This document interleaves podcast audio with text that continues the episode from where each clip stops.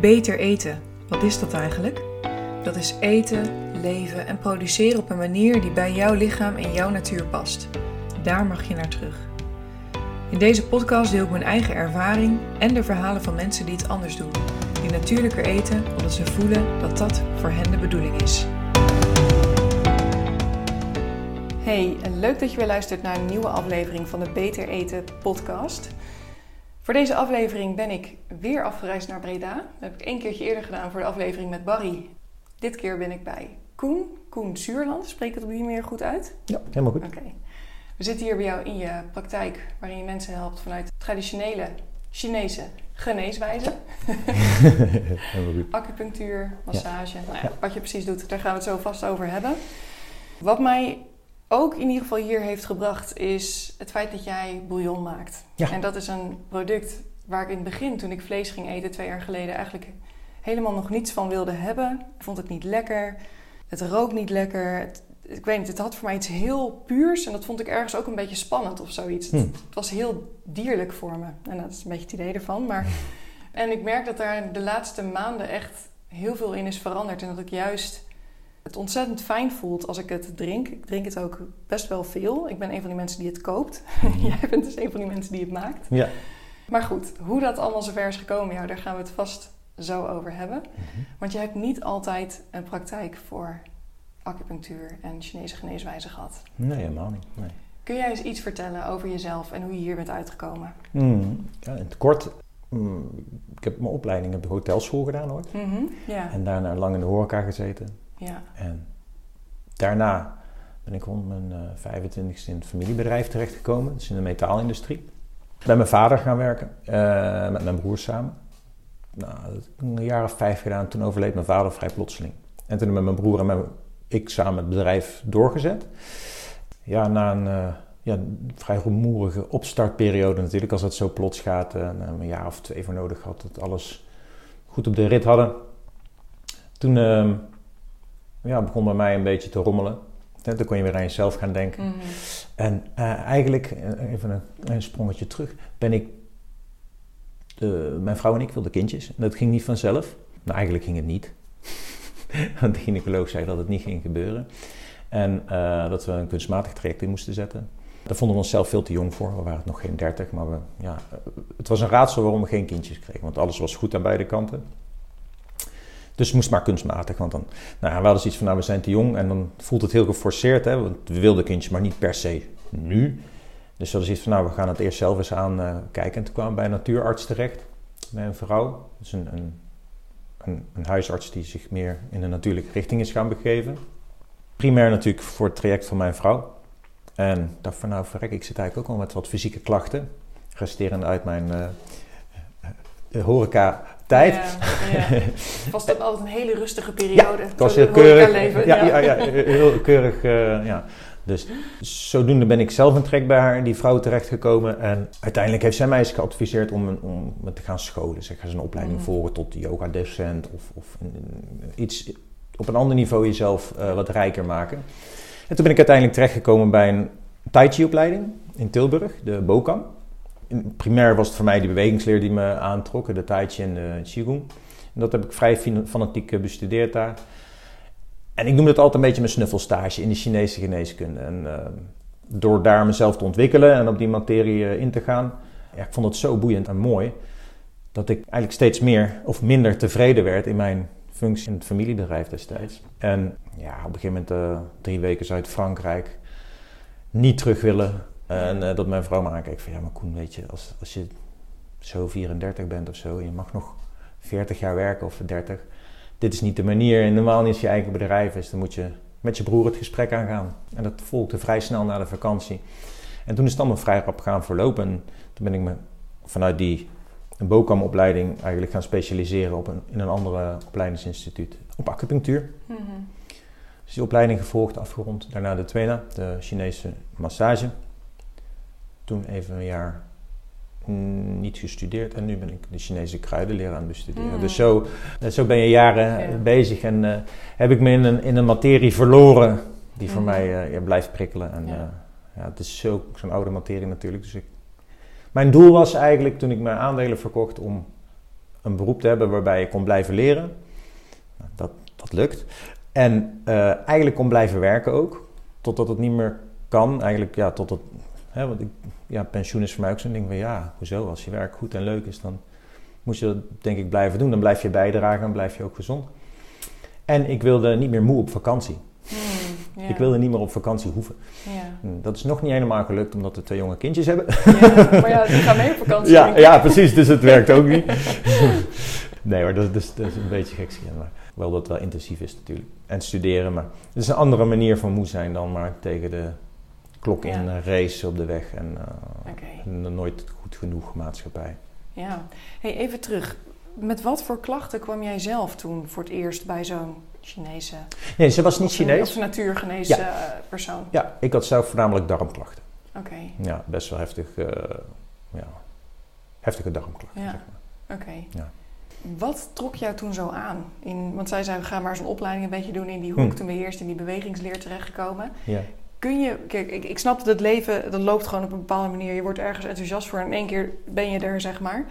Kun jij omschrijven wat, wat jou daarin aantrok? Op het moment dat, wij, dat ik dat advies kreeg van die arts, deden wij samen aan yoga, mijn vrouw en ik. Mhm. En in, in die yoga-stroming zaten aar- aardig wat tai chi-achtige bewegingen. En daar hadden we het Mhm. samen vaak over, omdat ik dat heel prettig vond. Ja, ja. Dus vandaar dat mijn vrouw meteen zei van, hé, hey, dan moet je tai chi gaan doen, joh, dat is tof. En dus zo ben ik eigenlijk in aanraking gekomen met de Chinese geneeskunde. En wat me daarin vasthoudt, is de relatieve simpelheid eigenlijk.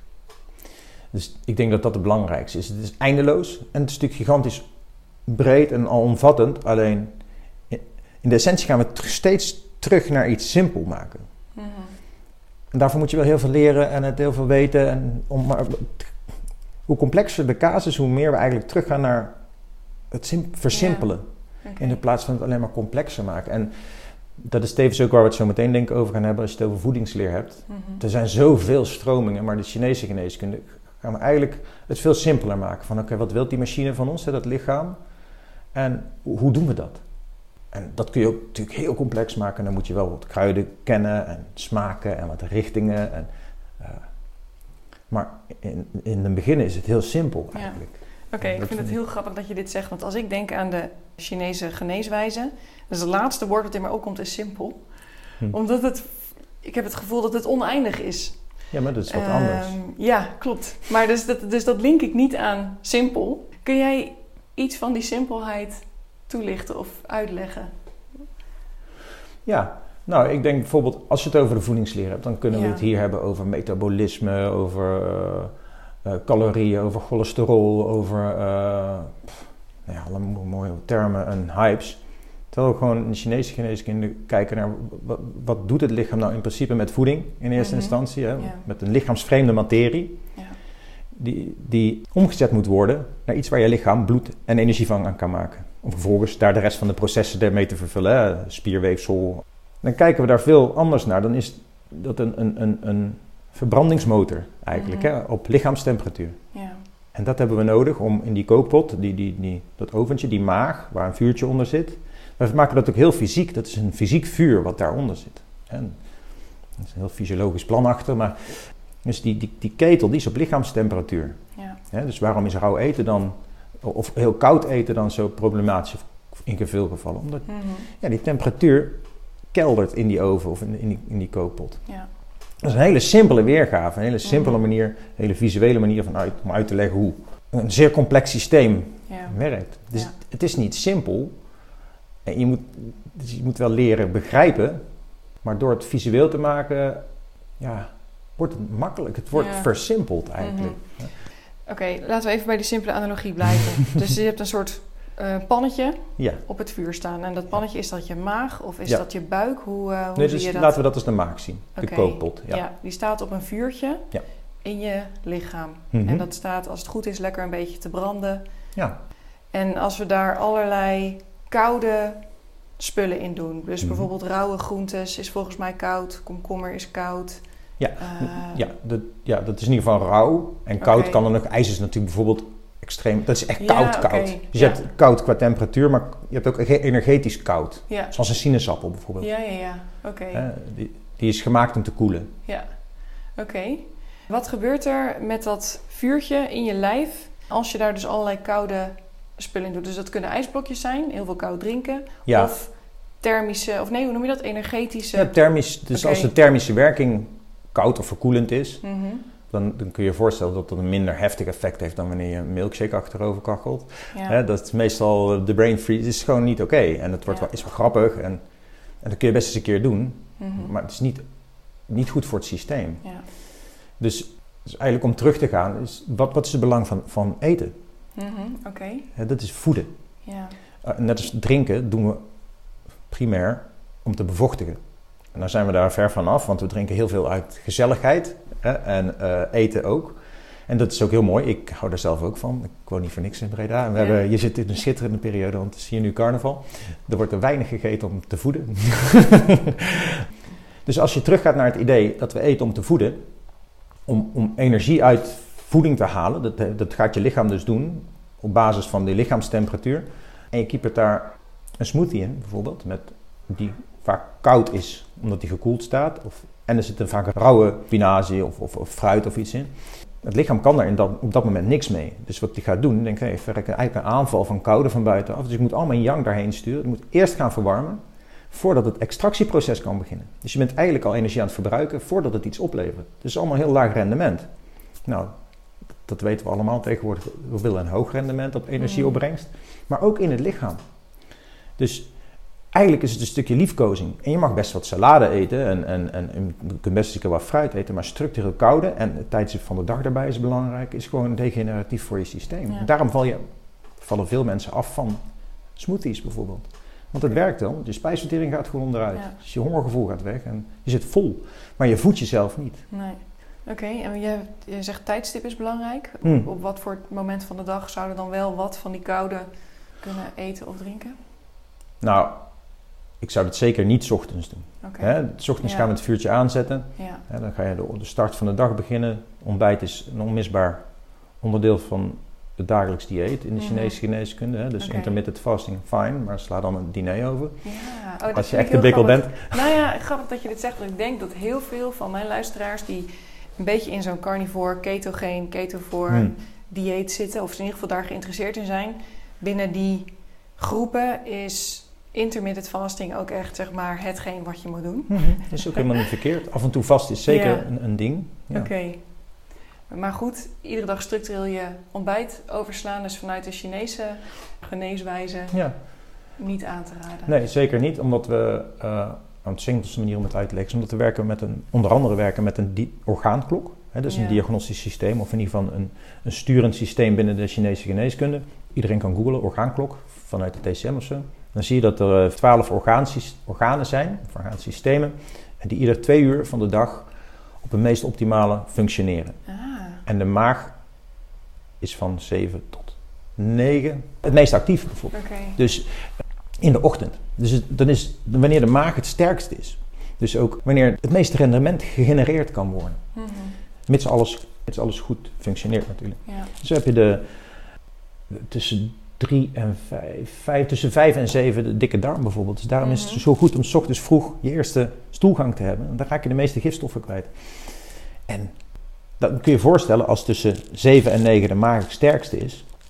De tijd die daar tegenover staat heeft hetzelfde effect, andersom natuurlijk. Tussen 7 en 9 s'avonds heeft hij zijn minste kracht. Dus Mhm. wanneer eten wij allemaal? Op het moment dat de maag zijn minste eh, Ja. vermogen heeft. Mhm. Los nog daarvan, als je het anders uit wilt leggen, de, het eetmoment, gaan we weer terug naar waarom we eten. is om energie op te bouwen. En natuurlijk hebben we s'nachts wel energie nodig om te regenereren en te herstellen. En, ja, allerlei fysiologische processen die niet stilstaan s'nachts. Maar we zijn niet meer fysiek actief zoals we het overdag zijn. Wanneer we energie nodig hebben uit de voeding. Ja. Dus van daaruit, s ochtends, ja, in de Chinese geneeskunde zeggen we eigenlijk, je, je, je ontbijt als een keizer, je luncht als een minister, geloof ik, en je dineert als een zwerver. Mhm. Daar zijn verschillende Ja. motivaties achter. Dus. Snap ik. Dus als je wil intermittent fasten, is het misschien ook wel waard om te kijken hoe dat is om dat s'avonds te doen in plaats van s Ja. ochtends. En dan neem je bijvoorbeeld s'avonds voor het slapen gaan, als dat wel mag in een intermittent fasting, dat weet ik niet precies, een klein kopje bouillon of zo. Ja. Dat Ja. je nog net wel, dan zit je niet vol, heb je geen vulling, maar heb je wel nog even de, de voedende kwaliteit. Dus het lekker verwarmend, Ja. geen gember erin. Nee. En, en geen 250 milliliter, maar gewoon 120 of 140 milliliter. Ja. Dat je ja, wat waarde hebt, wat voedingswaarde hebt. Ja. En denk ik ook even een, een eet- of drinkmomentje. Misschien is het ook wel fijn als je toch een beetje vast zit in die gewoonte. Dat het wel fijn is om dan iets te hebben.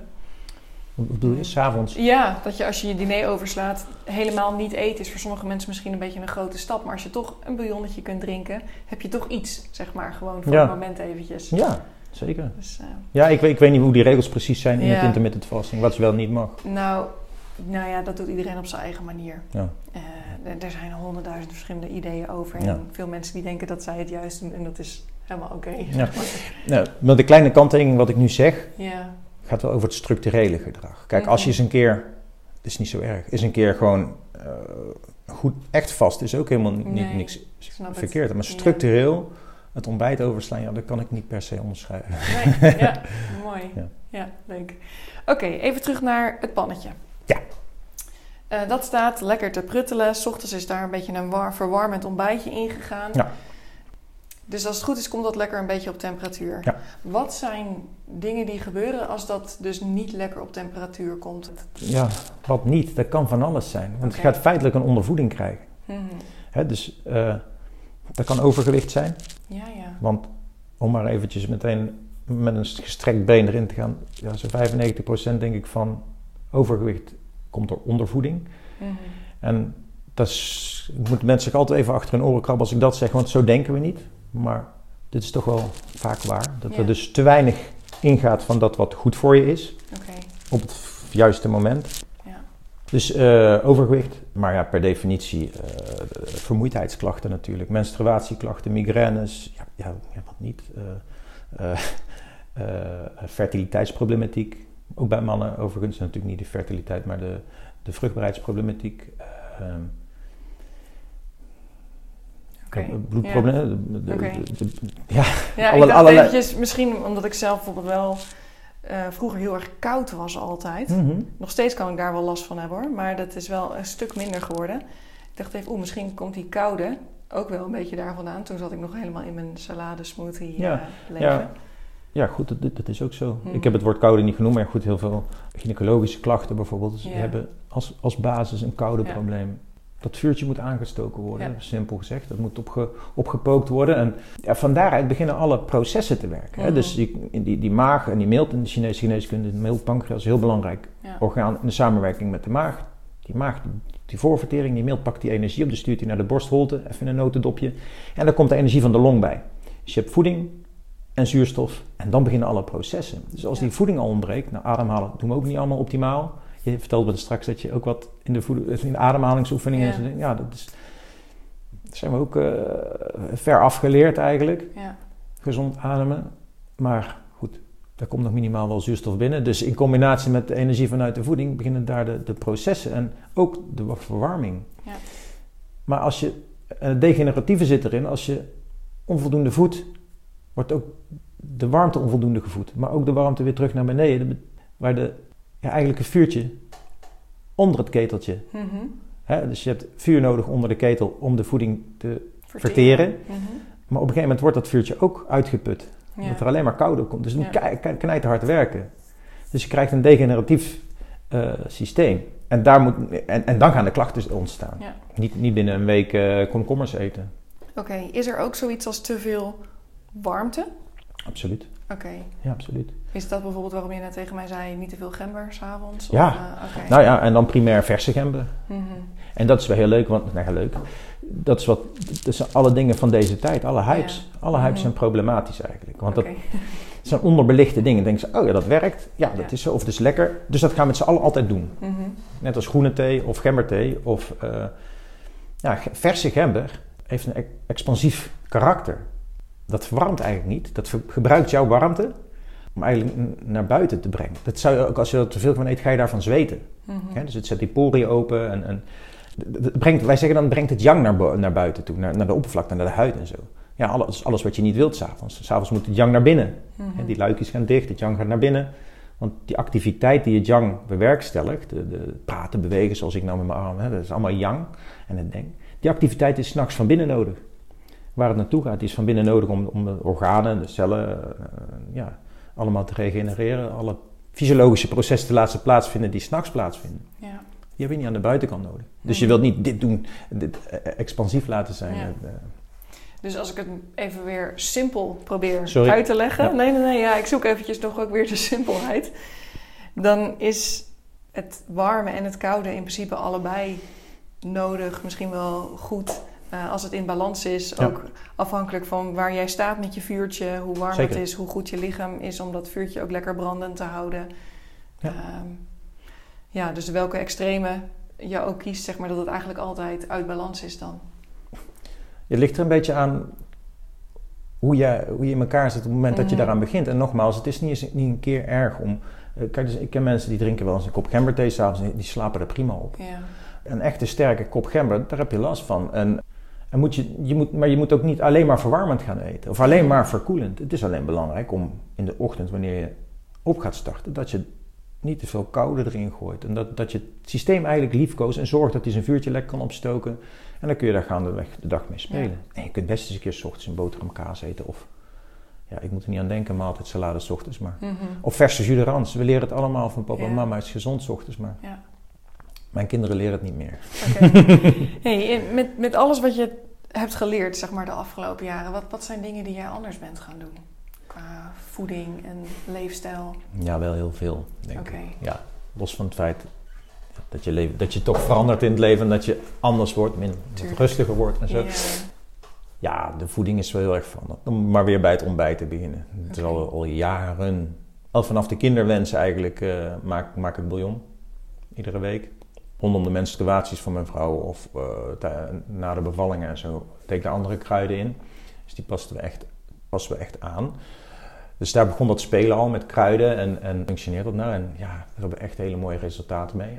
Mhm. Nadelig alleen is in onze maatschappij is dat dat niet een week kop soep innemen is en je merkt het resultaat. Dat, dat moet je doen. hè. Het is natuurlijk geen diep getrokken, ingekookt medicijn. Het is een, het blijft een bouillon Mhm. met wel werkzame stoffen erin. Dus als je het structureel doet, dan veranderen de dingen. Dus warm gaan ontbijten. Eh, de soepen, rijstepap, hè, de Chinese rijstepap, congee. Ik weet niet of je dat kent. Nee, ken Het is leuk niet. om eens te googlen. Oké. Het is eigenlijk een, eh, ja, een Chinese manier van rijstepap maken. Wij maken hem altijd hartig. Eigenlijk. Dus met een bouillon of wat zout. En dan kun je er wat kip doorheen doen. Of, of eh, ja, verschillende kruiden. Gedroogde gember bijvoorbeeld. Dat is Mhm. wel weer heel goed 's ochtends. Oké. Voor vrouwen heel goed. Dat verwarmt echt. Ja. Het, het midden, de buik. dat voegt warmte toe. En eh, ja, dus ontbijt is echt veranderd. Oh, en een zuivel is eigenlijk zo goed als uit mijn dieet. Oké. Op wat eh, biologische roomboter na. En waarom doe je dat niet meer? Omdat dat voor mij niet goed werkt. Ik krijg daar, mijn darmen hebben er heel veel last van. En Ja. eh, het is ook een product wat eigenlijk niet meer nodig is. Het is heel vreemd dat we zijn zo'n beetje het enige zoogdier dat vrijwillig moedermelk drinkt van een ander zoogdier. Het is eigenlijk het is geen rotzooi, het is eigenlijk te rijk, te rijke voeding. Het is gemaakt om het kalf van, van ja, in een half jaar naar 300 kilo te brengen. En niet een mens, structureel. En in Chinese termen creëert het slijm. Dus neem maar eens een slok melk dan. Ja. krijg je slijm in je keel. Ja. En dat is alles wat je niet wilt. In een lichaam. Dat vertraagt alle processen. Hmm. Maar dat is misschien te diep theoretisch. Dat... Dus eh, dat zijn dingen die veranderd zijn. Ja. Over het algemeen rustiger. Ja, de be- Chinese bewegingsleer heeft me veel gebracht. Dat, Oké. eh, daar heb ik nu geen ruimte voor met twee kinderen en een bedrijf. Nee, dat snap ik.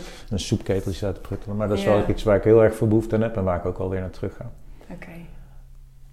Ja, gaandeweg verandert er zoveel. Als je, Ja, tuurlijk. Ja. Ja, zo gaat het. Ja, je zit in zo'n wereld. En... Maar los van het veranderen is het toch altijd steeds dichter bij jezelf komen. Mhm.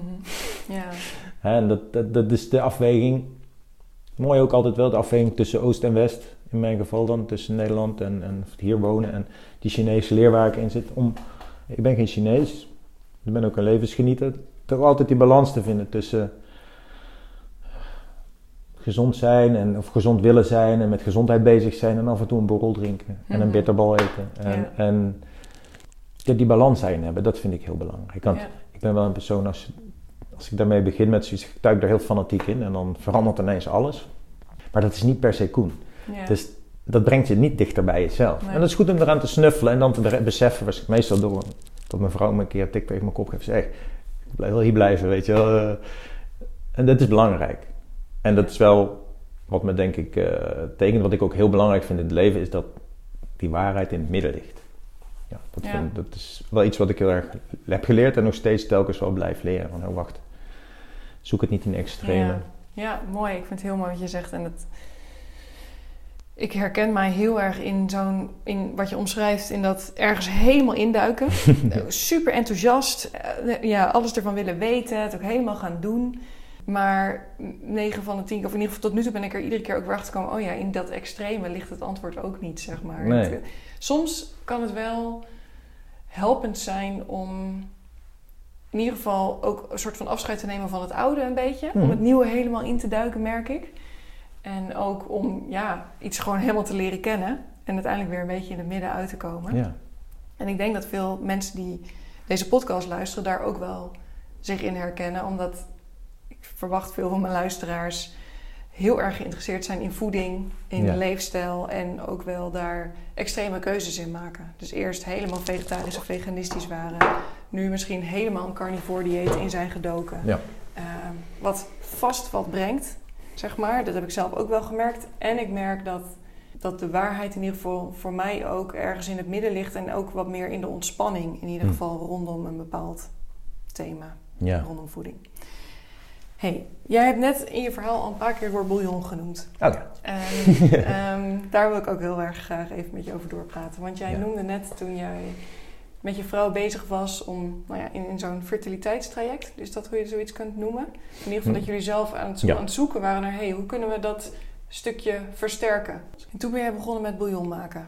Ja, dat, klopt wel een beetje. Ik kwam, dat, wat ik dus straks zei, dat toen eh, begon mijn snuffelstage een beetje. En daar zat een stuk voedingsleer bij, los van de bewegingsleer en de meridiaanleer en zo. De filosofie.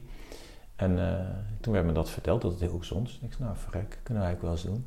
Ja. En eh, zo is dat geboren en dan ga je het effect merken. En ja, nog geen jaar... Eigenlijk was het heel gek, want ik wilde helemaal niet afvallen, maar toen ik die bouillon ging eten, een aantal keer per week, toen ben ik eerst aangekomen.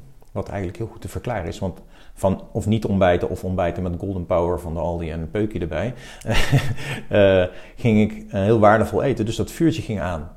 Hè, wat eigenlijk al heel lang veel te laag brandde, een beetje sudderde, ging mijn vuur ineens aan. Dus eigenlijk kreeg ik veel meer honger. En dan ging ik dat niet goed invullen. Ik zat veel op de weg toen. Ja, dan ga je bij de pomp even een broodje halen. En dus in eerste instantie kwam ik een paar kilo aan. Ik dacht, verrek, dat is eh, ook niet de bedoeling. Mhm. Toen ben ik wat eh, eitjes gaan koken of zo. Had ik altijd hard gekookt eitje, dat stilt dan de honger. Of, of ik pakte wat, eh, wat mooie, goede noten. En uiteindelijk ben ik heel, eh, wel 10 kilo afgevallen of zo destijds. Maar dat, dat ging gewoon, Mhm. omdat het vuurtje ging branden. Dat was geen doel, was ook niet nodig. Maar dat, is inmiddels 10 jaar geleden of zo. En dat gebeurde toen. En eh, ja, voor je het weet is dat gewoon eigen. Dat werd, eh, werd gewoon. En eh, gingen we op wintersport. Het eerste wat we deden is kip halen en een pan op het vuur zetten. Ook in Mm. Oostenrijk. Hè. Ja, Dat, ja. Het, ochtends niet ontbijten met soep was gewoon niet lekker. Oké. En normaal niet met dat wat je dan daar krijgt. Een, Ja. een of een keizerbroodje met kaas. Dat vond ik niet meer. Dat, dat werkte niet meer. Nee. Oké, dus jullie gingen die bouillon maken echt voor het ontbijt? Ja. Oké. Dus dat is echt wel primair. Oké, en is dan je ontbijt is alleen zeg maar een kopje bouillon? Nou, voor mij is dat niet voldoende. Soms wel, maar meestal heb ik dan te snel weer honger. Dus eh, dan pak ik eh, een, omeletje bij. Of eh, soms bakte ik een omeletje een deken doorheen. Of, of ik pak een bordje havermout of Ja. tefpap of zo. Ik vind zelf tef heel erg lekker. Oké. En dan, dan, dan deed ik het daarmee. Ja. Ja. Hey, en je zei net van op een gegeven moment ga je merken ehm, hoe goed het voelt of de positieve effecten ervan. Mhm. Wat waren voor jullie dan die positieve effecten? Nou, ja, gevoed voelen in de plaats van gevuld. Dus je, hebt- Mhm. je hebt op een gegeven moment, wat ik vaak terugkrijg over de bouillon die ik nu maak, dit is nog allemaal heel pril, maar er zijn heel veel mensen die het wel geprobeerd hebben. Dat zeggen, het is eigenlijk heel gek, want ik zit niet vol, maar ik heb geen honger meer tot een uur of elf of twaalf. Mhm. Dus je hoeft niet vol te zitten om geen hongergevoel te hebben. En dat moeten we ook van elkaar loskoppelen. Het volle gevoel is vaak heel onprettig juist. Maar een verzadigd gevoel hebben, dat is eigenlijk waar we naar op zoek zijn. Zonder per se te vullen. Ja. Met als kanttekening dat ik ook niet van een knorrende maag hou. Dus ik moet ook voldoende he- vulling hebben. Daar zit de waarheid ook weer in het midden. En, en, en voldoende vo- vulling en voldoende voeding. Ja. Ja. Dus ja, meer energie, gewoon lekkerder in je vel komen. Ook mentaal heeft natuurlijk heeft ontzettend veel invloed op, of tenminste, je voeding heeft ontzettend veel invloed Ja. op je mentale welzijn. Ja, als je feitelijk je fysiek uitholt of verzwakt, ja, dan kan die, die geest nooit lekker lekker rustig Ja. zijn. Dat merk ik zelf ook heel erg sinds ik ja, wat natuurlijker ben gaan eten, om het zo maar even te zeggen. In ieder geval ook weer dierlijke vetten en eiwitten ben gaan toevoegen. Voel ik gewoon meer rust in mijn systeem. En Mhm. ook als ik heb gegeten. Ik weet nog dat ik voor het eerst vlees had en dat ik op een gegeven moment merkte van oh, een maaltijd is weer rond of zoiets. Het is Hmm. klaar. In plaats van dat ik daarna heel onrustig bleef, de hele tijd wilde blijven eten, constant daarnaar op zoek was. Dus Hmm. een soort onrust in mijn systeem. En ja, dat is zo ongelooflijk veel minder geworden, zeg maar. Dus dat, eh, ja, dat verzadigde gevoel, Ja. niet rammetje vol, maar gewoon ja, goed gevuld, eh, verzadigd. Ja. Dat, eh, dat is voor mij een soort nieuw hoofdstuk geworden sinds ik wat meer op deze manier ben gaan eten. Ja. En wat voor kruiden deed je er dan bij in? Wat, wat maakte die, die bouillon ook bijzonder? Nou, wat ik er toen... Ja, we noemen dat Chinese kruiden, maar het is in principe allemaal gewoon bij de toko wel te koop hoor. Eh, in Nederland zouden we zeggen de dadels. Mhm. Chinese dadels zitten, uh, dazhao, heet dat, Chinees. Dangwei, deed ik erin. Oké. En wat maakte dat je zeg maar, dat soort kruiden eraan toevoegde? Ja, het doel. Dus de, de, voornamelijk bijvoorbeeld bij mijn vrouw eh, rond de menstruatie bijvoorbeeld. Dus Het zijn kruiden die heel sterk op, op, op de menstruatie werken of op de bloedkwaliteit en dergelijke. Dus Oké. Dat was met dat doel heel erg. Dus opbouwen Ja. van energie en eh, dus opbouwen van chi en bloed Oké. eigenlijk in basis. Ja. ja. Er waren ja verschillende Chinese kruiden die ik aan toevoegde. Oké. Ja. En dat is een paar jaar geleden. En nu lijkt het een soort van uit te groeien naar een bouillon die jij maakt, die mensen kopen en die dat nu ook eh, gebruiken. Ja, dat is de bedoeling. Kun je daar eens iets over vertellen hoe Ja. dat is gegaan? Nou, dat is natuurlijk eh, vanuit de praktijk ben je met acupunctuur en twinen eigenlijk vrij snel op een gegeven moment beperkt. Mhm. Je kunt er heel veel mee. Je kunt er heel veel mee, maar in Nederland zijn er heel veel mensen met tekorten. En ja, die kun je niet aanvullen met de naald of met de massage. Tenminste, ik niet en ik ken ook niemand die dat wel kan. Ze zullen ongetwijfeld zijn. Maar, dus dan kom je of in de Chinese kruidenleer terecht, of in de voedingsleer. Mhm. En waarom ik dat heel mooi vind, is omdat dat het stuk is wat mensen zelf kunnen. Zeven keer, drie keer per week ongeveer, als je drie keer per dag eet. Tegen één keer per week behandelen hier, daar kan ik niet tegenop. Ja. En dus die voedingsleer vind ik heel belangrijk eh, om mensen te motiveren om ja, dus zelf iets anders naar hun voeding te gaan kijken. Dus ik adviseerde vaak eh, de bouillon. Dat adviseer ik nog steeds vaak. Om lekker warm te ontbijten. Een kippenbouillon is redelijk licht verteerbaar, is warm, is rijk aan voedingsstoffen. Mooie voedingsstoffen. En dat doen mensen vaak. Hè. Dan gaan ze naar de biologische slager, ze kipkarkasjes. En dan denken ze, verrek, hoe weet je, het werkt. Weet je. Na een week of drie, vier denken ze, ik wil niet meer anders. Alleen ons Hollander, dan nemen de klachten af. En dan zijn ze op vakantie geweest en dan is het weer uit het systeem. En dan komt het vaak niet meer terug. Eh, tenminste, het bouillon maken. Hè, want het Ja. stinkt of het is veel werk. Of, eh, En dan vervallen ze weer. En een half jaar later spreken ze weer en denken ze, ja, vrek. Het is allemaal weer vervallen. En dan zeg ik, joh, en eh, wat, wat is er bij jou veranderd? Ja, nee, niks. Ah, nee, ja, ik ben toch eigenlijk wel weer mijn ontbijt. is eigenlijk alweer niet zo... eh. En kijk vaak zo'n schouderklopje van, joh, kan ik het dan niet bij jou kopen? en dat kwam best wel vaak, vaak voor. Ik heb dat altijd afgehouden, omdat ik, ja, qua voedselveiligheid is het gewoon niet oké om een pannetje hier op het vuur te zetten en dat dan commercieel te, te maken. Ja, eigenlijk altijd afgehouden. En op een gegeven moment kwam er een moment dat iemand weer, mij, eigenlijk een collega van mij uit Amsterdam, mij weer motiveerde. Die kwam met zo'n verhaal over een cliënt van haar die het zelf is gaan maken. En eh, ik dacht, verrek, ja, nee, nou, dat kan ik ook.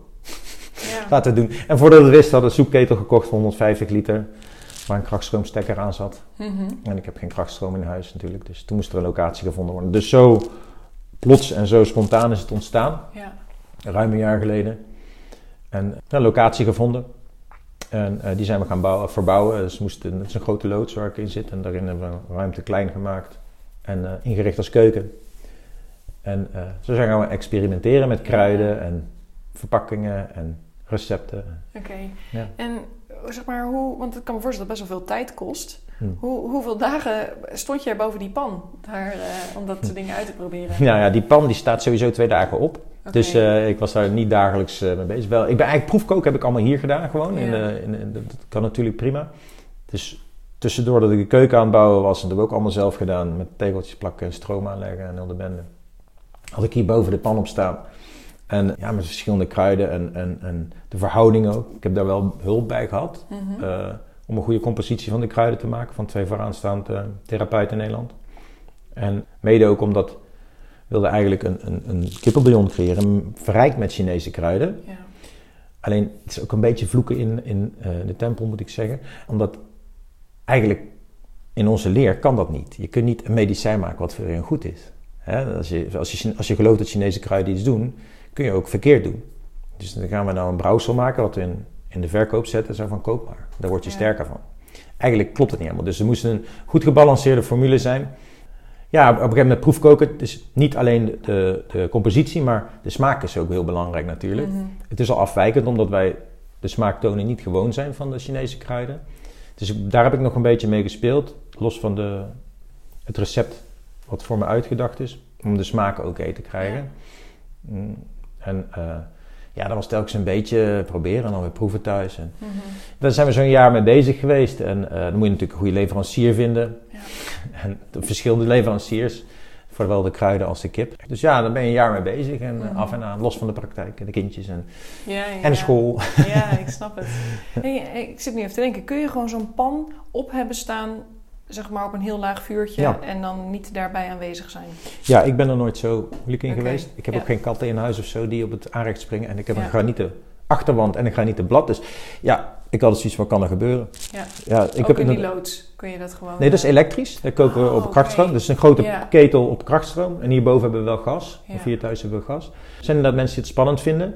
Mocht je dat nou... Mocht je luisteren en dat spannend vinden, dan, dan is een eh slow cooker echt een top, Ja. eh, top oplossing. Want dan kun je eindeloos zijn, dan kun je ook heel goed temperatuur instellen. ja. Dus wat ik eh, adviseer altijd zo rond de 80 graden. Dus op lage temperatuur een dag of twee lekker laten trekken. Ja, dan trek je die kracht uit de botten en daar gaat het eigenlijk om. ja. Hm. Ah, dat vind ik wel een hele mooie tip. Dus in een slow cooker Ja. kun je eigenlijk, dat, volgens mij is het ook een soort afgesloten systeem. Mhm. Dat is Dus gewoon dat, een pan. ja. ja. Ja, en dan hoef je er eigenlijk niet zoveel naar te kijken, behalve Nee. het gewoon de tijd te geven. Ja, en, en dan moet je het lekker maken. Want een, een platgetrokken bouillon smaakt eigenlijk muf. Er is niet zo heel veel aan. Nee, oké. Dus je kunt kijken hoe je dat zelf lekker maakt. Ja, Maar slow cooker is ideaal. oké. Alleen nadelig vind voor mij, hier toen Ja. thuis was, dat die, ik vind ze allemaal te klein. Dat snap ik. Ik ook wel naar zitten kijken. Ja, Ja, ja. Een beetje grotere... En, en dan, ja, dan wordt ze al groter en dat is zo'n onding op je aanrecht. Dus Ja, dat heb ik nooit gedaan. Ik heb gewoon zo'n 20 liter pan en die staat mij op het vuur. En dat is Ja. altijd goed gegaan. oké. Alleen gas is iets minder makkelijk te reguleren qua temperatuur. Ja. Slow cooker, prima. Hmm. hey, en ik weet toevallig dat er ook orgaanvlees in zit. Yes. Wat is daar van jou de reden voor? Omdat het heel rijk en voedzaam is en eigenlijk een ondergeschikte rol in ons dieet heeft gekregen. Het Mhm. wordt niet meer gegeten. Mensen zijn niet meer gewoon om een lever te eten. Hart. hart. hart, bijvoorbeeld, of niertjes. Ja, nou zijn kippenniertjes vrij lastig Mhm. om te vinden al. Maar eh, eh, ja, het is ja, een hele rijke bron van voedingsstoffen. En wordt weinig gegeten. Ik ben daar, ik werd, het werd me eigenlijk geadviseerd door Jutta, Jutta Mhm. Koeler. Om, eh, ja, die, vond- die, ik weet niet hoe we precies in contact kwamen over dit onderwerp. Maar goed, we hebben contact erover gehad. En zei van, joh Koen, het zou eigenlijk wel een tof idee zijn om daar orgaanvlees in te verwerken. Want ja, dat missen we gewoon in ons dieet. Ja. Dus vandaar dat ik daarmee ben gaan eh, experimenteren ook. Maar goed, dan moet je natuurlijk ook wel goed product hebben. Het is heel belangrijk dat eh, een lever voornamelijk, omdat die veel filtert, ook uit een gezond diertje komt. Ja. Hè, met zo min mogelijk eh, Antibiotica, antibi- medicatie. allerlei troep. Ja, precies. Dus het moet een schone kip zijn. Dus eh, goed, daar hebben we een mooi product in gevonden. Mhm. En nou, mijn vrouw is echt wars van, als het wild eh, seizoen is, dan wil ze eigenlijk niet uit eten. Want overal zit wel iets van hert of fazant of eh everzijn. En dat vindt, die smaak vinden ze gewoon niet lekker. Oh. Hè, dat, dat, dat, dat droge, nou ja, eigenlijk krijgt het vrij snel allemaal een leversmaak. Maar Ja. die vindt bouillon echt, juist echt heel erg lekker. Ja, Het verrijkt echt, geeft een hele ja, aparte smaak ook eraan. De combinatie is goed. Ja, leuk. Ja. Dus eh, is dit nou een product wat jij zeg maar meegeeft aan klanten uit jouw praktijk? Nee. Kunnen mensen het kopen? Hoe, hoe, hoe, Nou- of heb je er ideeën bij over hoe zoiets gaat lopen? je hebt wel die loods nu met die enorme krachtstromen. Ja, ja, nee. Nee, ik geef het nog niet... Ja, ik heb het wel meegegeven aan cliënten. Vooral in Ja. de testfase en zo. Ik, ik, ik vind het niet per se gepast om nou... eh, mijn cliënten te zeggen van ja, dat is goed voor je en ik verkoop het trouwens ook. Ja, ja, ja, dat snap ik. Bij van WC Eend. Ja, ja, precies. Dat vind ik dan lastig. Ja. Maar goed, eh, tegelijkertijd is het in alle oprechtheid wel zo. Mhm. Dus ik denk niet dat ik het hier zelf ga verkopen. Tenminste niet hier in mijn praktijk waar we nu zitten. Tegenover mijn cliënt zeg voor Ja. je moet kopen. Maar uiteindelijk komt er een website, die is nu bijna af. Mhm. En eh, er is één winkel in Breda die het eh wil gaan verkopen. Ja. Dus dat zijn nu de kanalen. Maar wat, wat, je, wat al een beetje doorgeschemerd is, dat het een, het een een avontuur is met vrij weinig commercieel gedachte erachter. Ja. Het is ontstaan en ja, zo gebeurt het ook allemaal een beetje. Er zijn nu wel mondjesmaat mensen die het kopen, die er al van lucht van hebben gekregen en die me dan via via mijn nummer krijgen. Ja. Maar ook het bestellen zal via de website kunnen, maar ook met een WhatsAppje. Hè, dus via de website heb je een WhatsApp-link. Het is Ja, allemaal heel simpel, direct contact en Wil je dat zelf gaan inpakken en versturen? in eerste instantie wel. Ja, ja weet je, ik, ik ken de verhalen en ik weet dat, dat je zeggen van ja, dat op een gegeven moment... Maar ja, op een gegeven moment, als het niet meer kan, dat is een luxe probleem waar ik tegen die tijd wel mee ja, deal. dat zie je dan. We gaan eerst eens even kijken of het, of het werkt. Ja.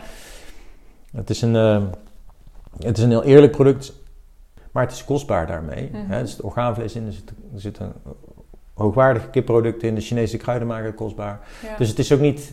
Een, een- ja, ik verwacht dat het een niche zal zijn. ja. Maar ja, goed. Ik, Ja. ik, ik heb, ik ben er niet mee begonnen om er rijk van te worden. Het is Nee. echt vanuit een ideologie en ja, vanuit de praktijk geboren eigenlijk. Ik dacht, nou pak het gewoon op, want dit is er nog niet. Ja. En ja, we zien het wel. Ja. Het schip al dan niet strand. Ja. Ja. Stel voor dat iemand dit luistert en die website is al in de lucht. Weet je al hoe die gaat heten? Of moet ik hem gewoon straks in de show notes zetten Eh, als, ja. als die er is? Nee, het zal hotshotbonebroth.nl zijn. Oké, Want de, de soep gaat hotshot heten. Van Ja, een hotshotje. Een shotje. Ja, superleuk. Dus het zal hotshotbonebroth zijn. Ja, .nl. Dus dat kan en anders kunnen ze me ook altijd gewoon via mijn praktijk vinden. ja. Ja, het is misschien niet commercieel uitgekoud of het is per se niet commercieel uitgekoud, maar dat is ook Mhm. wel wat ik prettig vind. Dus Ja. ik heb het vertrouwen in al. Nu is die website nog niet online, maar als mensen dit luisteren en zeggen, joh, hoe kan ik bij Koen terechtkomen, dan kunnen ze me via de website ook Ja. wel benaderen. Ja. Tegenwoordig is het niet zo moeilijk om met elkaar in contact Klopt. te komen. Nee, zeker. Dus. Leuk, ja. Ja. Eén laatste vraag heb ik eigenlijk nog. Mhm. Dat is even een beetje een ander onderwerp. Eh, namelijk de naam van jouw praktijk. Oh. Kingfisher. Ja. Kingfish? Kingfisher. Kingfisher. Oké. Kingfisher is. ehm, wat zou je erover vragen? Nou ja, wat, waar komt dat vandaan? Ik heb het net even gegoogeld van... Oké, het is een koningsvis geloof ik. Maar wat is dat dan? Nee. Ik zie hier nu een... Kingfisher is Engels voor ijsvogel. Oh. Dit is de Engelse naam voor ijsvogel. Ja, ja, ja. kan ik niet veel mooier maken dan dat toen ik Oké. Mijn aandelen verkocht van mijn bedrijf, dat beeldje kreeg van mijn vrouw. Als, Oh. als symbool voor je vleugels uitslaan en je eigen weggaan. Ja. En eh, dat is een kingfisher, een ijsvogel. En ehm, ja, uiteindelijk ga je praktijk opzetten. En toen dacht ik, ik moet een naam hebben. eh. En ik ben geen Chinees, zoals je hebt gezien, dus ik had eigenlijk ook geen Chinese naam. ja. En eh, toen keek ik naar omhoog en dacht, hé, hey, ijsvogel, praktijk ijsvogel. Ja, dat is ook zo'n ijsvogel. Ja, en ja, Kingfisher, Kingfisher stond wel tof. Ik denk, ja, zoals een solide naam. En eh, Mhm. kun je een mooi, mooi symbool bij bedenken. En, eh, en later ben ik toen eens gaan kijken wat de Chinezen hebben. In de Chinese cultuur hebben we bijna voor ieder dier wel een symboliek. Mhm. Dus toen ben ik dat eens gaan googlen. En ja, dan hebben ze daar ook een verhaal achter. Die hebben het hele kleurenpalet in hun, in hun, in hun verenpak zitten. En zijn doelgericht. En Ja, goed. Een heel mooi verhaal. Je vond Ja, het gewoon een precies. mooie vogel. waarschijnlijk mooie symboliek. Want je had hem zo gekregen. Van Ja, jezelf. daar is het vanuit het ge- gewoon worden. daar is het uitgeboren. Oké, ja. leuk. Koen, dankjewel voor dit gesprek. Ja, graag gedaan. En eh, voor al je informatie en eh, ook voor het maken van de bouillon. Ja. Heel fijn voor de mensen zoals ik die dat dus nog niet maken. Ik moet zeggen, er is wel iets in mij aan het groeien wat denkt... Goh, zal ik dat een keer gaan proberen? Maar eh, nou ja, dat is bezig. Tot die tijd ben ik heel blij dat er mensen zijn zoals jij. ja, graag gedaan. Dus fijn. Eh, mensen weten waar je kunnen vinden. En ik zal ook linken naar je website. En de website van de bouillon in de show notes. En dan... eh, Top. Zal ik dan zo wat flesjes voor je pakken? Ja, goed. Dankjewel. Oké.